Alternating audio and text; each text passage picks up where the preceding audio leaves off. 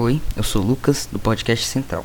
Hoje a gente vai falar um pouco sobre um assunto bastante importante e polêmico da atualidade, que você com certeza já ouviu falar sobre, desigualdade de gênero.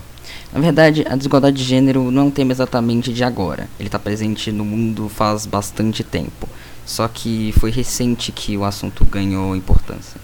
Para você que é novo aqui e nunca ouviu o podcast, essa é Central, meu podcast onde a gente discute sobre alguns temas como medo, ética e, no caso do episódio de hoje, preconceito.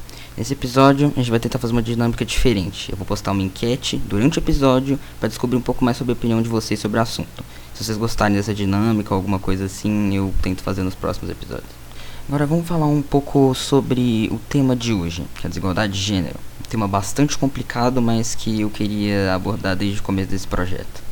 Para se discutir a desigualdade de gênero, primeiro a gente tem que definir o que é gênero, que mesmo parecendo besteira, algo muito básico, muitos não sabem ao certo o que é a definição de gênero.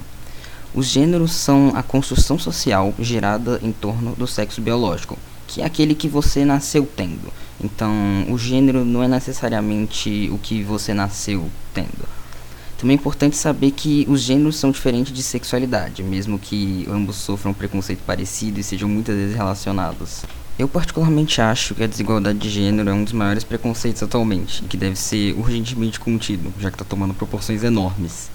E dentro desse preconceito, que é a desigualdade de gênero, o mais famoso, provavelmente o que mais acontece, é o que a gente chama de machismo. É o mais pesado atualmente e está presente até em leis, por exemplo, a Maria da Penha. Esse conceito está enraizado, basicamente, na nossa sociedade e está se agravando com o tempo. Alguns indícios mostram que, na verdade, isso não é atual e a gente pode ver desde que 4000 antes de Cristo a gente tinha exemplos de machismo. Atualmente a desigualdade de gênero vem diminuindo, segundo um artigo da BBC. Essa matéria mostra a desigualdade de gênero no mundo inteiro e no seu país especificamente. Você pode colocar para ver sobre Segundo o site, 39% das formaturas em faculdade são vindas de homens, o que é desproporcional aos 63% de homens em cargos públicos de alto escalão, e ainda mais desproporcional quando se trata dos ministros do governo, cujos 85% são homens. Ainda que a desigualdade de gênero no Brasil seja absurda, o nosso país ainda se encontra na média mundial da desigualdade de gênero. Está em 85º lugar no ranking dos países que melhor lidam com a desigualdade de gênero. Segundo esse artigo, nesse ritmo, em 2133 a gente vai chegar na igualdade de gênero. Atualmente, como forma de resposta à desigualdade de gênero, a gente tem o movimento feminista, que vem sendo bastante famoso e cada vez mais forte. O movimento feminista ele vem dando uma mudada e vem defendendo algumas outras pautas, como direitos civis e igualdade, mas sem tirar o machismo de foco e ainda sendo protagonizado por mulheres. Mesmo a gente sempre falando sobre a desigualdade de gênero, estudando a fundo o assunto, é comum que uma pergunta bastante essencial acabe passando batido, que é por que existe desigualdade de gênero? Durante o período que a gente costuma chamar de pré-história, parece que havia igualdade de gênero. Homens e mulheres tinham a mesma importância na sociedade.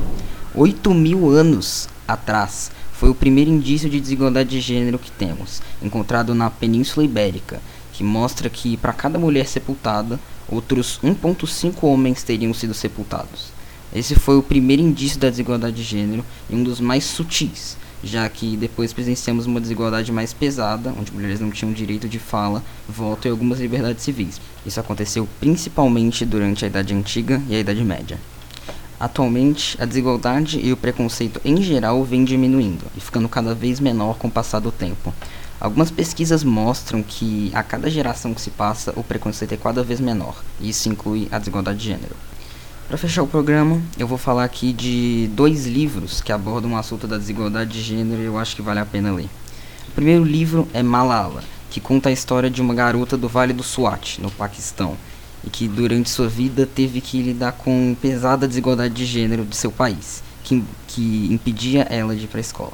A história contada em Malala é real, e a versão do livro distorce apenas alguns pequenos aspectos e se mantém fiel aos acontecimentos.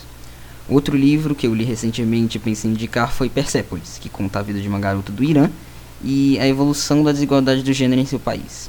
Durante o livro é mostrado como a desigualdade de gênero evoluiu e se tornou cada vez maior, obrigando a usarem burcas, desrespeitando, tirando os direitos, etc. Os dois livros abordam a desigualdade de gênero, só que Malala é um pouco mais bem humorado, diferente de Persepolis, que tem um tom mais sério e aborda assuntos principalmente políticos.